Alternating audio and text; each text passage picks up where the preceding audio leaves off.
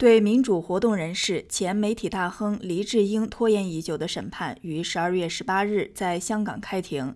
根据中国二零二零年在香港实施的《维护国家安全法》，他可能因为与包括美国在内的外国势力相勾结的指控而被终身监禁。黎智英的儿子黎崇恩表示，尽管他相信对父亲的审判结果早已内定，但他为父亲坚持自己的信仰感到自豪。Reflexively anxious, but there's actually no 条件反射性的焦虑，但仔细想想，其实也并没有什么可焦虑的，因为这完全是一场做做样子的审判，结果已经预先设定好了。审判是由三名政府任命的法官组成，没有陪审团。国安负责人最近还宣称百分之百的定罪率，所以这绝对是骗局。黎智英是已停刊的亲民主报纸《苹果日报》创始人，也是香港最著名的对中国共产党的领导持批评态度的人士之一。七十六岁的黎智英因报纸租赁纠纷被判欺诈罪，获刑五年零九个月。他对新审判中的所有指控均表示不认罪。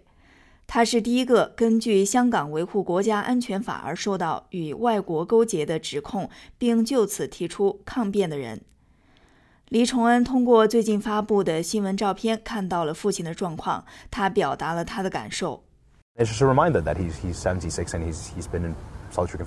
这些照片提醒着我们，他已经七十六岁了，已经被单独监禁了三年，这真是令人心碎。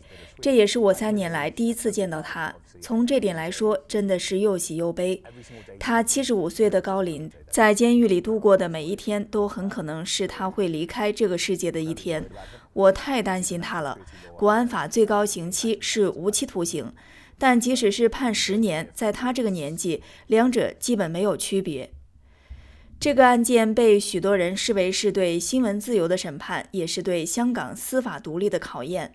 一些西方国家政府呼吁释放黎智英，称这些指控是出于政治动机，也是中国政府镇压香港民主反对派的一部分。罗宾逊是一名大律师，正在为释放黎智英而努力。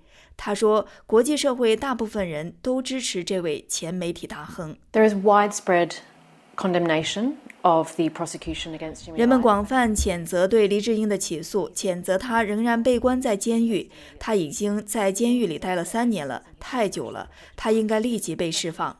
他是因为行使其受国际保护的言论自由、集会自由权利而入狱的，这是不可接受的。联合国、加拿大议会、欧洲议会和美国等外国政府都呼吁释放他。在审判开始之前，黎崇恩会见了英国外交大臣卡梅伦，游说英国帮助确保他的父亲出狱。卡梅伦随后进行了明确的表态，呼吁释放这名英国公民，并批评了对黎智英进行的指控。中国外交部发言人毛宁谴责了这次会面，称香港政府在依法处理此案。香港特区依法追究黎智英的责任无可指摘。英国自诩法治国家，却公然干预已经进入司法程序的案件。英国刚刚出台国家安全法，却悍然反对中国香港国安立法，双标嘴脸暴露无遗，险恶用心昭然若揭。审判预计将维持至少八十天，当局透露将有一千名警察维护法庭秩序。